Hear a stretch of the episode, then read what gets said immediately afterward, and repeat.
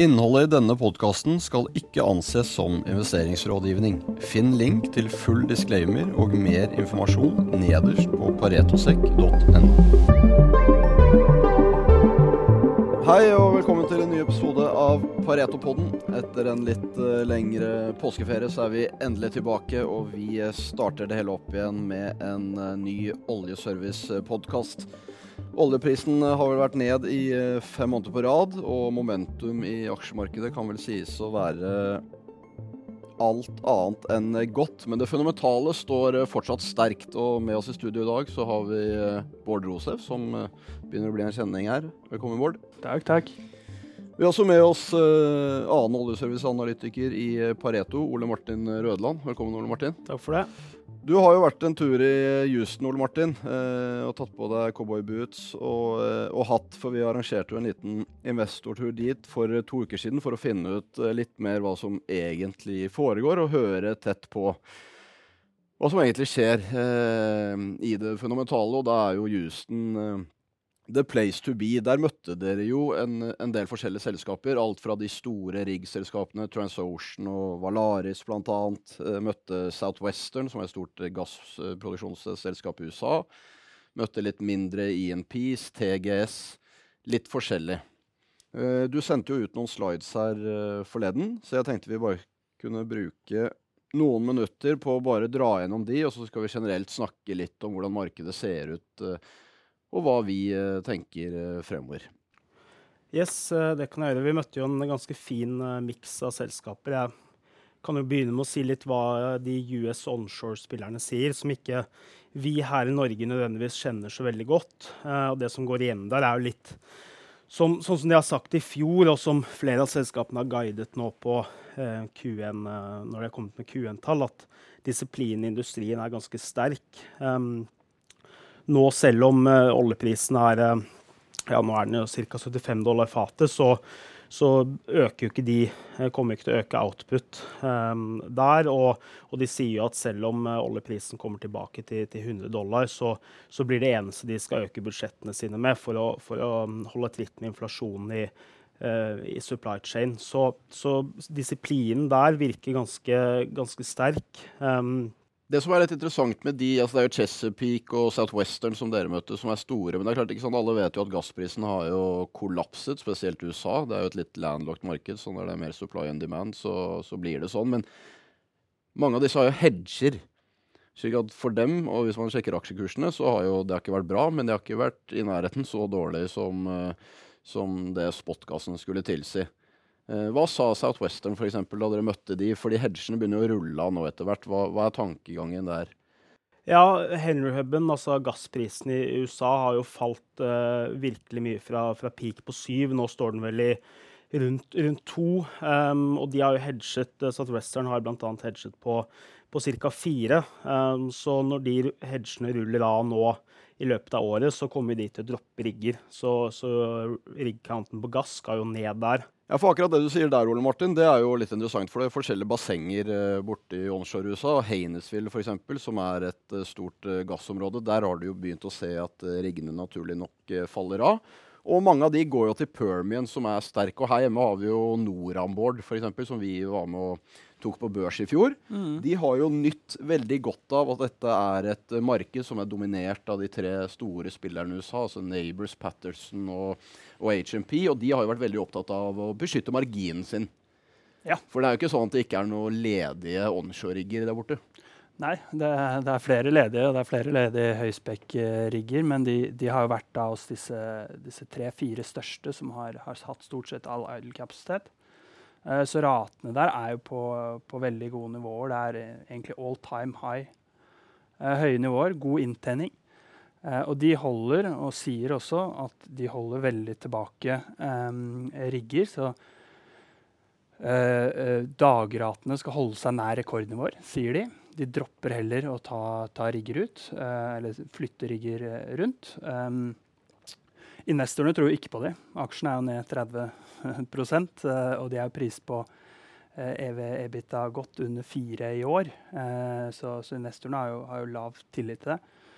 Vi tror at du kan få se en multiple ekspansjon der til, til, høsten, hvis de faktisk leverer på den kapitaldisiplinen, for, for ratene er fortsatt på, på høye nivåer, sånn som det er nå. Og dette var jo litt av egentlig det samme dynamikken da vi var der i fjor. Da var jo jeg også med, blant annet. Men dere møtte jo Patterson og Neighbors nå, nå Ole Martin. Uh, og det er vel fortsatt kapitaldisiplin som står sterkt, men uh, hva var de store takeawaysene fra, fra Patterson og, og Neighbors-møtet der borte? Det var jo litt sånn som, som Bård var inne på, at, uh, at, at de, de, sier jo at ratene skal, skal holde seg bra. Man, man, ser jo sannsynligvis at de ratene på onshore skal, skal litt ned når utilization går ned. og du har den effekten at de, de litt mindre spillerne, når, når du ser at utnyttelsen av riggene faller, så blir jo de um, på en måte redde for å, for å ha rigger som ikke jobber. Um, dårligere balanser, så de kommer til å chase litt uh, utilization der. Og da må, da må, de store være disiplinerte og heller ta, ta rigger ut av markedet for å holde, for å holde raten oppe. Så, så, du ser jo at de store eh, tar ansvar og leder uh, prøver å holde raten oppe. Um, og, og, når man spør de om nybygg, så sier de at det er jo selvfølgelig så langt unna som man kan komme. Um, det er det ingen som, ingen som, snakker om, ingen som har tenkt å gjøre. De, de, de, tjener jo per, per dagens inntjening 7-8 millioner EBTA per rigg. De er priset på, per aktive rigg. Eh, de har pris på ca. 15, og et nybygg koster ca. 35. Ikke sant, for huske, Dette er jo sikkert et litt ukjent marked for en del av lytterne våre. Vi er jo vant med offshore, og det er helt andre summer, helt andre prosesser. Her er det mye mer inn og ut, og som du sier, altså OPEX ligger på 16-17 nå. Ja. Eh, Derav er jo dagratene vært et sted mellom 30 og 40 nå, som er bra. Og så er jo kostnaden ved å bygge selvfølgelig helt annerledes. Hvis man går et godt stykke tilbake, så, så, var man jo villig til å bygge rigger for 35 når du tjente 7 eh, millioner per, per, enhet. Det er ikke så dårlig byggeøkonomi, det. Men når det er pris på 15, og markedet sier til deg det skal du absolutt ikke gjøre, så kan du ikke gjøre det. Og det insentiverer den kapitaldisiplinen vi ser i markedet i dag. Og det er det samme både onshore og offshore, egentlig mye den samme historien, som kan forlenge durasjonen av den oppsykelen vi nå, nå ser. Eh, gjøre den supply-drevet, eh, som gjør at den kommer til å vare mye, mye lenger. Det er jo også det samme som vi ser på, um, ser på offshore og, og, ser på onshore, at det er jo en helt annet fokus på vekst versus lønnsomhet. Uh, I fjor da vi var der, da var jo arbeidsmarkedet et stort, stort problem. Det er jo fortsatt stramt i USA, men selv om man har sett at en del av disse største tekstselskapene i verden har jo, har jo fyket enormt mye folk. Men, men det var fortsatt Du får ikke bare folk til å stikke ut på en rigg i Rocky Mountain fortsatt.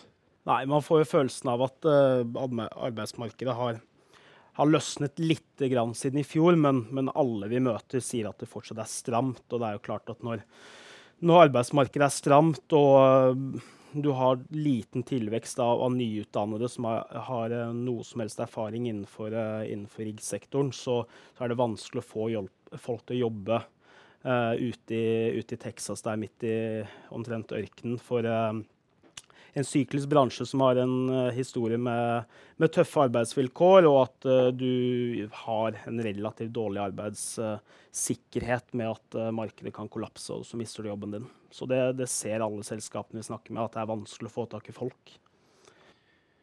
Vi har jo sett at uh, Rigcounten har jo droppet nå uh, ganske mye siden november. Og det er klart med den negative momentum du har i oljeprisen nå, så, så, er ikke det så veldig rart. Men hvis vi tipper over på offshore, for der er det jo en litt annen dynamikk. Det er jo litt uh, lengre løp. Vi hadde jo Dere møtte jo TGS bl.a. Det var jo et ikke voldsomt Q1 for seismikk etter et uh, massivt uh, fjorår med, med, bra momentum. Hva, hva er takeawayen fra, fra, TGS? Skal vi være ekstremt uh, bekymret for Q1, eller er det, er det, en litt mer sesongvariasjon i forhold til hva man forventer av prising osv.? Ja, når, du, når, man sier svakt, svakt Q1, så er det jo late sales man, man snakker om. og det er jo diskresjonære salg, salg, fra biblioteket med data som de allerede har skutt. Og det er jo typisk veldig, veldig volatilt. Og er det første oljeselskapene kutter når de blir usikre. Og det, det, man så der, er at det var jo eh, omtrent 50% under det man, det man, ventet, og svakere enn, svakere enn i fjor. Men eh, mitt take her er jo at fart farten i, i businessen til TGS og Sesmik eh, som helhet er fortsatt bra. Eh, de, de, kundene som planlegger langt, altså de som committer seg på, på kontrakter én til én, eller de som eh, committer seg på nye multiklient surveys, de er, de er fortsatt der. Uh, Ordreinntaket er bra, og, og, og, backloggen er bra, så på en måte farten i businessen er bra. Men, men, men late sales var jo fryktelig skuffende. Og, det, det, TGS sier, at uh, samtalene med kundene de er akkurat som det har vært før. Uh, ingen endring der. selskapet selv ble jo overrasket over, over, dårlig salg, og da har de jo spurt kundene sine, bl.a. Majors, som er viktig for TGS. og de, de, ble jo litt overrasket. de mente jo de hadde kjøpt mye seismikk, men de har kjøpt i form av prefunding istedenfor late sales i, i, kvartalet. Og det er jo litt sånn, Min take her er at den late sales-komponenten er veldig volatil. Ble nok påvirket av litt uro i markedet i mars, da, da mot slutten av kvartalet. Hvis vi hopper over til uh, drillerne, Bård. fordi det er jo ingen i aksjemarkedet som virker å bry seg noe som helst om mikroen akkurat nå. Alt, uh, handler, på nei, alt handler på makro. Uh, men det har kommet en del interessante datapunkter i det siste. TransOcean har sendt den andre katt D-en ned til Australia. Du får betalt for mob, det er bra rate. Noble annonserte en bra rate var vel i, i forgårs. Det begynner å skje ting. Klart Nordsjøen er svakt. Der venter man jo på at det skal begynne å skje ting. men ja, Riggene er, begynner å forsvinne. Det er, det, er jo, det er, jo, den dynamikken som er interessant. Eh, nå er det ganske mange rigger fordi du har Namibia, hvor det er eh, sånn Sjøforholdene rundt Sør-Afrika og Namibia de er sånn at det kan lønne seg med en, en semi pga. Eh, bevegelsen. Eh, og så er det Australia, eh, og, så, og, så, går det rigger ut av Nordsjøen fordi det er midlertidig svakt. Og det er liksom nesten skapt av eh, det skattefritaket, sånn at alle sendte inn planer samtidig i slutten av 22. Da skjer det ingenting i 23. Det skjer litt i 24, og så skjer det enormt mye i 25, 26, 27. Uh, og, og, og, det er klart, da går rigger ut, og da må de betale for å få det tilbake. og uh, Aker BP har jo vært veldig på å sikre seg kapasitet. Uh, mens Equinor liker jo å holde igjen på tendere, og kanskje TransOcean sender ut litt rigger for å vise hvem som egentlig har makten i, i, i, de diskusjonene. Det er vel helt klart uh, inntrykket for også fra når Ole Martin møtte i Houston. Um, ja, for der har jo dynamikken helt klart vært i oljeselskapenes favør. altså siden 2014, egentlig. Det er klart, En del av disse var jo fortsatt på kontrakt osv., så, videre, så det var ikke sånn at det var jo litt lag eh, den gang da, akkurat som det, som det, er, nå. Men når du ser at folk flytter flytter eh, rigger 100 eh, dager ned til Australia, får betalt for å flytte det osv., da, da begynner vi å snakke en interessant dynamikk for de som eier stål. Absolutt. absolutt. Og det er, eh, det er, nettopp at de internasjonale markedene er nå bra. Eh, aksjemarkedet priser selskapene lavt, men hvis du ser på inntjeningen på nye kontrakter, så er det jo nesten 100 millioner EBTA. Igjen, det er veldig tilsvarende onshore. Det kosta 650 å bygge, kanskje. Historisk hadde du begynt å bygge på disse nivåene. Eh, det gjør det selvfølgelig ikke nå, for det er priset til 250, eller litt i underkant, eh, per, per, per, per rigg. Eh, men, men kontrakten her ute er såpass bra, og når det da ikke skjer noe i Norge, så kan disse riggene, som også er dypvannsrigger, dra andre steder.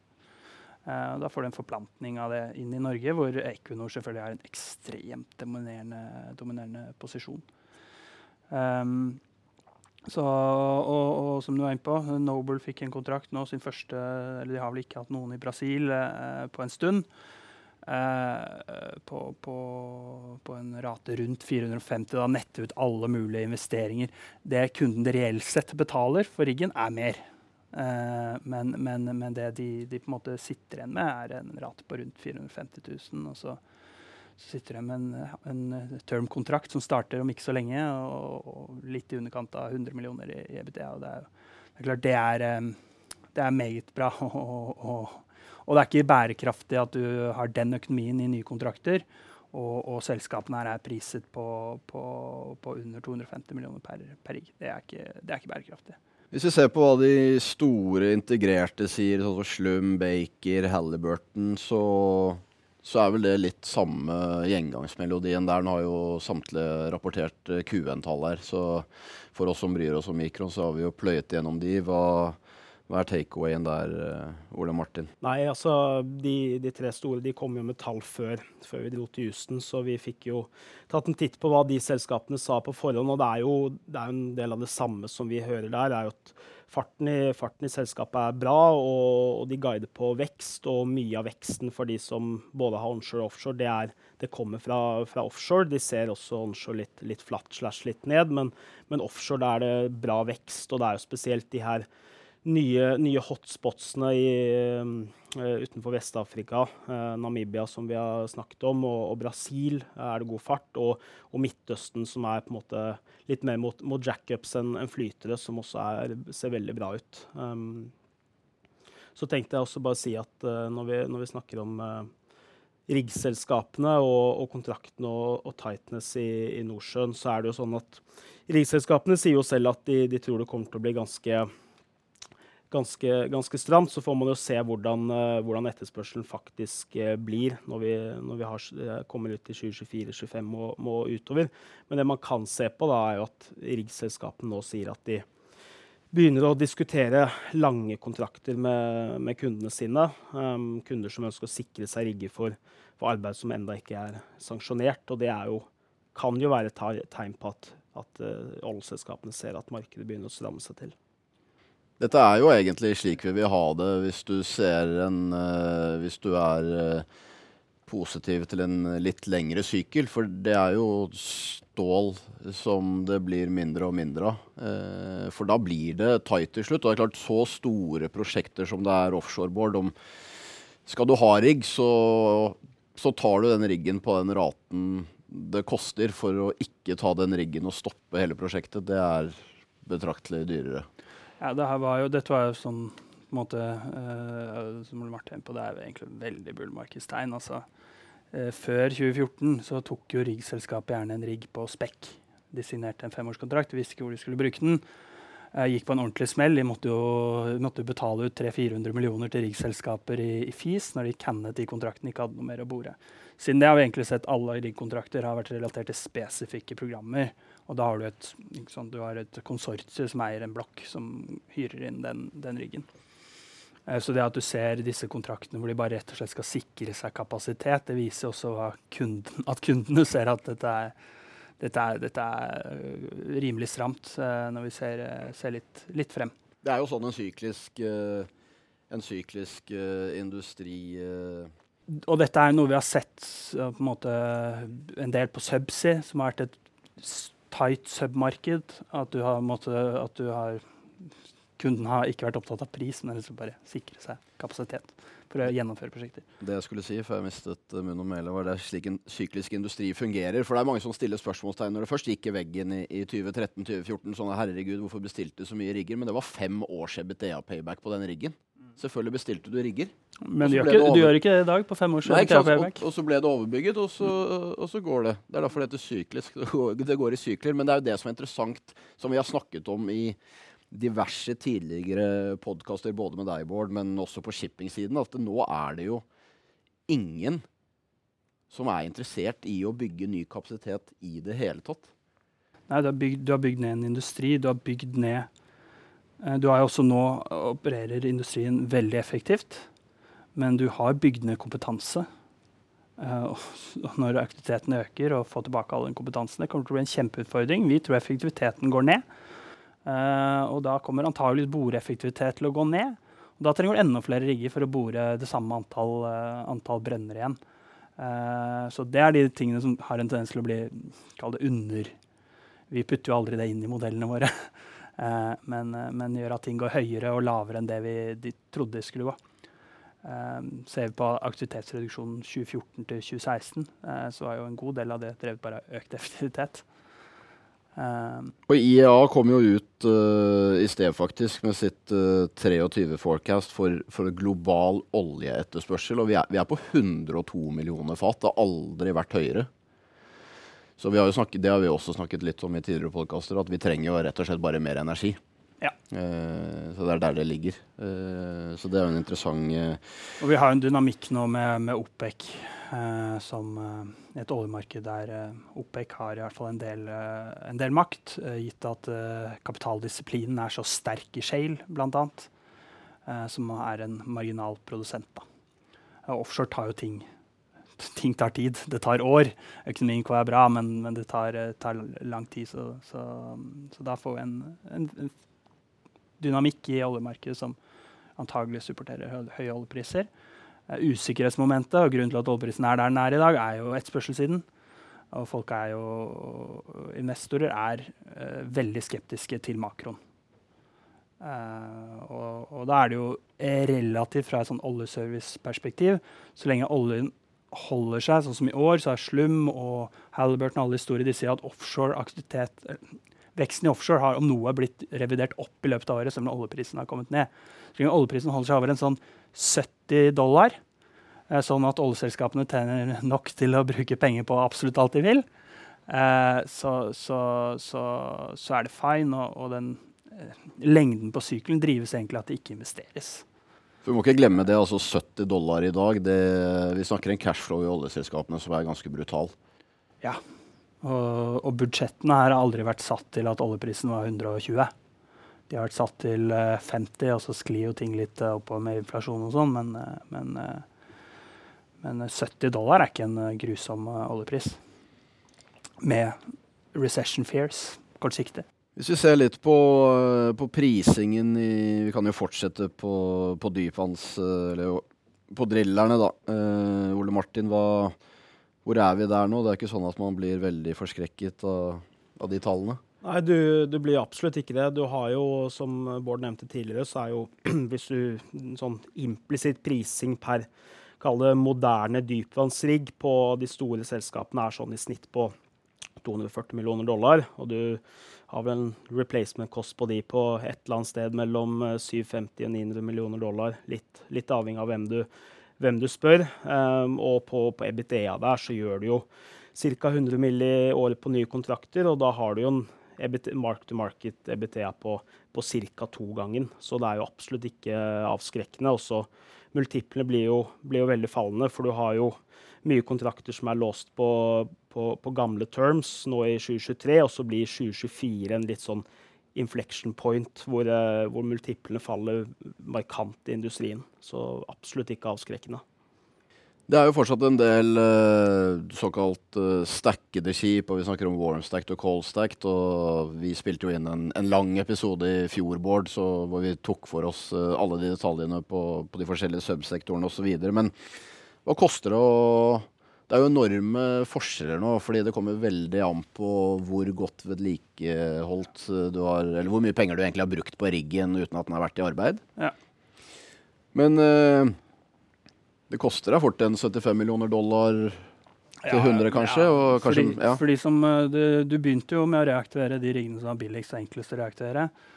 Og så går det noen år, uh, og så sitter du igjen med de som er uh, kaldest, lengst unna å være operasjonelt aktive. Uh, og da snakker vi fort over 100 millioner dollar. Men altså, kontrakten i dag supporterer jo en reaktivering. Men, men, du har på flytesiden et ikke konsolidert, men relativt konsolidert, hvor f.eks. TransOcean sitter med en god del av disse kalde skipene og holder det igjen. Uh, og, og, skal ha en veldig god payback. Og, og, det er forståelig gitt hvordan markedet priser sånne, sånne rigger i dag. Uh, så, så, så, så, lønner det seg for dem, uh, og de har disiplin. Så, det er det som driver det i veldig stor grad. Denne oppgangen, spesielt på dypvannssiden, oppgangen i rater relativt til utilization kom veldig tidlig. Som viser at det er disiplindrevet. Nå begynner vi å nærme oss et marked der utilization er på nivåer hvor typisk ratene tar av først nå. Men ratene har kommet opp til veldig gode inntjeningsnivåer uh, allerede. Uh, og Så blir det spennende å se om man nå kommer inn i en sånn vegg hvor det rett og slett blir litt panikk, og du får noen ikke bærekraftige nivåer på, på, de, på de dagratene. Det tror vi kan skje på jackup-siden, eh, for der er det kontrahert ut såpass mye. Der har ratene aldri vært drevet opp av disiplin. Der er supply-siden er veldig fragmentert. Eh, men der er, siden du der har den Midtøsten-eksponeringen, hvor de investerer som de aldri har gjort før, og investerer i veldig stor grad offshore, eh, så, så, er markedet fundamentalt på utilization-nivåer der ting har en tendens til å ja, tikke opp over raten hver eneste nye kontrakt som kommer dypvannssiden så ser vi at de har flatet ut stabilisert seg da, litt rundt 400-450-nivået, eh, som er et godt nivå. Uh, så tror jeg det skal holde seg litt før du eventuelt får en, eventuelt får en, en tikk, tikk, opp til, og, og, da blir det bratt. Det tar jo alltid litt tid å, med prisingen. det er klart Når du kommer fra den perioden du kommer, og det var jo vel det TGS var litt inne på, du, du må kverne igjennom og på en måte akseptere litt at uh, det er ganske mye dyrere nå enn hva du har vært vant til. Og da, da, tar det gjerne litt lengre tid. Jeg var jo oppe på den Deep Simira, som uh, vel snart er på plass i, i Vest-Afrika, og sammen med IR-en i Africa Oil. Og han, han, sa jo det da vi sto på kaien der etter å ha vært om bord på, på, den CM-en, og du skjønner jo det er jo ikke akkurat en, det er jo ikke et høll, det er jo en ganske avansert avansert uh, byggverk, så sa han jo det at uh, jeg syns det er mye når du får liksom papiret på bord med 300 000-400 000 dollar dagen. Men når jeg har vært om bord her nå, så skjønner jeg hvorfor det er det det koster. Eh, og når lønnsomheten for, eh, for, de selskapene også er eh, såpass, så er det ikke noe sånn at det er det som tar, eh, tar knekken på selskapene, for å si det sånn. Men det er derfor, det er, det er derfor Vest-Afrika har vært viktig. Det har vært gjort en del store funn. Det blir ekstremt spennende med de brønnene som skal bores der nede nå. Det blir jo viktig for, for seismikketterspørsel og generelt det offshore-momentumet som vi har sett. Hvis vi bare skal summere opp uh, Houston-turen, Ole Martin, så er det vel ikke store, store differansen fra i fjor, selv om momentum nå kanskje er litt annerledes aksjemarkedsmessig, med fallende commodity-priser, fallende aksjekurser. Men det fundamentale er, er ganske likt. Det er kapitaldisiplin, uh, både offshore og onshore. Ekstremt opptatt av Eh, hvor aksjen deres handler. Mange av disse har jo, altså Mye av management har jo en del aksjer selv, onshore etc., og blir avlønnet uh, deretter. Um, hvis du skal summere opp i, i tre korte, ja, det er, korte som, linjer. det er som du var inne på, det er jo disiplinen, og den ser vi jo fra, fra både oljeselskapene og fra, fra servicespillerne også. Um, du, du, er disiplinert i reaktivering. Du skal ha en, en, god payback på, på, investeringen av å reaktivere. og Du skal gjerne ha upfront payment. Uh, som du sier, management er opptatt av, uh, av aksjekursen. Både onshore og offshore-drillerne sier at uh, investorene våre de kommer til å de dreper oss hvis vi senker ratene. Um, så det er ingen som har insentiv til det. Og, og, ellers er det det at ja, nå er oljeprisen fallende. Det gjør at Shale holder litt tilbake. Um, de er jo ofte veldig responsive på, på endringer i oljepriser. Uh, mens, mens, på offshore så er farten fortsatt god. Uh, som Bård sa i sted, planleggingsprisene uh, som oljeselskapene offshore har, er jo fortsatt langt under der oljeprisene er i dag. man skal også huske på at den IMP-spenningen du har globalt nå, er jo på nivå med det du hadde rett før covid. du hadde jo ikke noe fantastisk oljepris der heller. Um, så, så, ja, disiplinen er der absolutt, og, og, det den gjør, er jo at sykelen om noe blir mer langvarig. Mindre boom and bust og mer langvarig oppsykkel. Til det buster en eller annen gang. Til det buster, ja. Det buster en gang, Men da blir det veldig, det moro, det blir veldig moro før det. Ja, ja det, det, blir moro før det, det. det tror vi, og alt tyder på at det, det kan være en stund. Og på aksjene så er det jo selvfølgelig olje, dagens makro. Det er mange investorer som ikke kjøper dette, ses på som risky assets. Aksjene handler ned, uavhengig av det fundamentale. Investorer har heller ingen grunn til å ha tillit til et eneste oljeserviceselskap. Avkastningen over tid er så dårlig at investorer som kjøper dette, er inn og ut. Det er ansett som en låneaksjesektor. Så når momentumet blir borte, som det har blitt spesielt i Shale nå, så har aksjene kommet ned. Nå skal selskapene vise den kapitaldisiplinen som gjør at dette ikke blir eh, At dette er et varer over tid og kan gjøre bedre kapitalavkastning.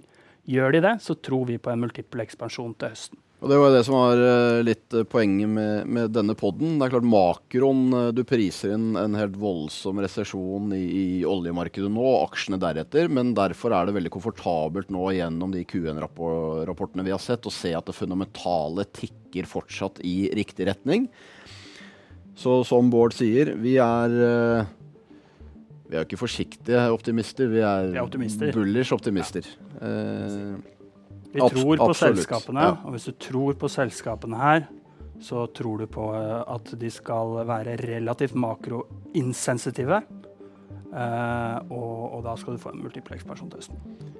Derfor må man løfte blikket litt og se på hva som faktisk skjer i industrien, og ikke bare hva som skjer på, på, makro. Jeg tror vi lar det være siste ord for nå. Bård og Ole Martin, takk for at dere var med her i dag. Yes, takk for at vi fikk komme. Takk for oss. All uh, oljeservice-research i Pareto og all annen research finner du selvfølgelig på online.paretosec.com. Vi lar det være siste ord og høres igjen i neste episode. Vi minner om at denne podkasten ikke inneholder investerings- eller annen type rådgivning. Handel i verdipapirer medfører til enhver tid risiko, og historisk avkastning er ingen garanti for fremtidig avkastning. Pareto Securities er verken rettslig eller økonomisk ansvarlig for direkte eller indirekte tap, eller andre kostnader som måtte påløpe ved bruk av informasjon omtalt i denne podkasten. Finn link til full disclaimer og mer informasjon nederst på paretosek.no.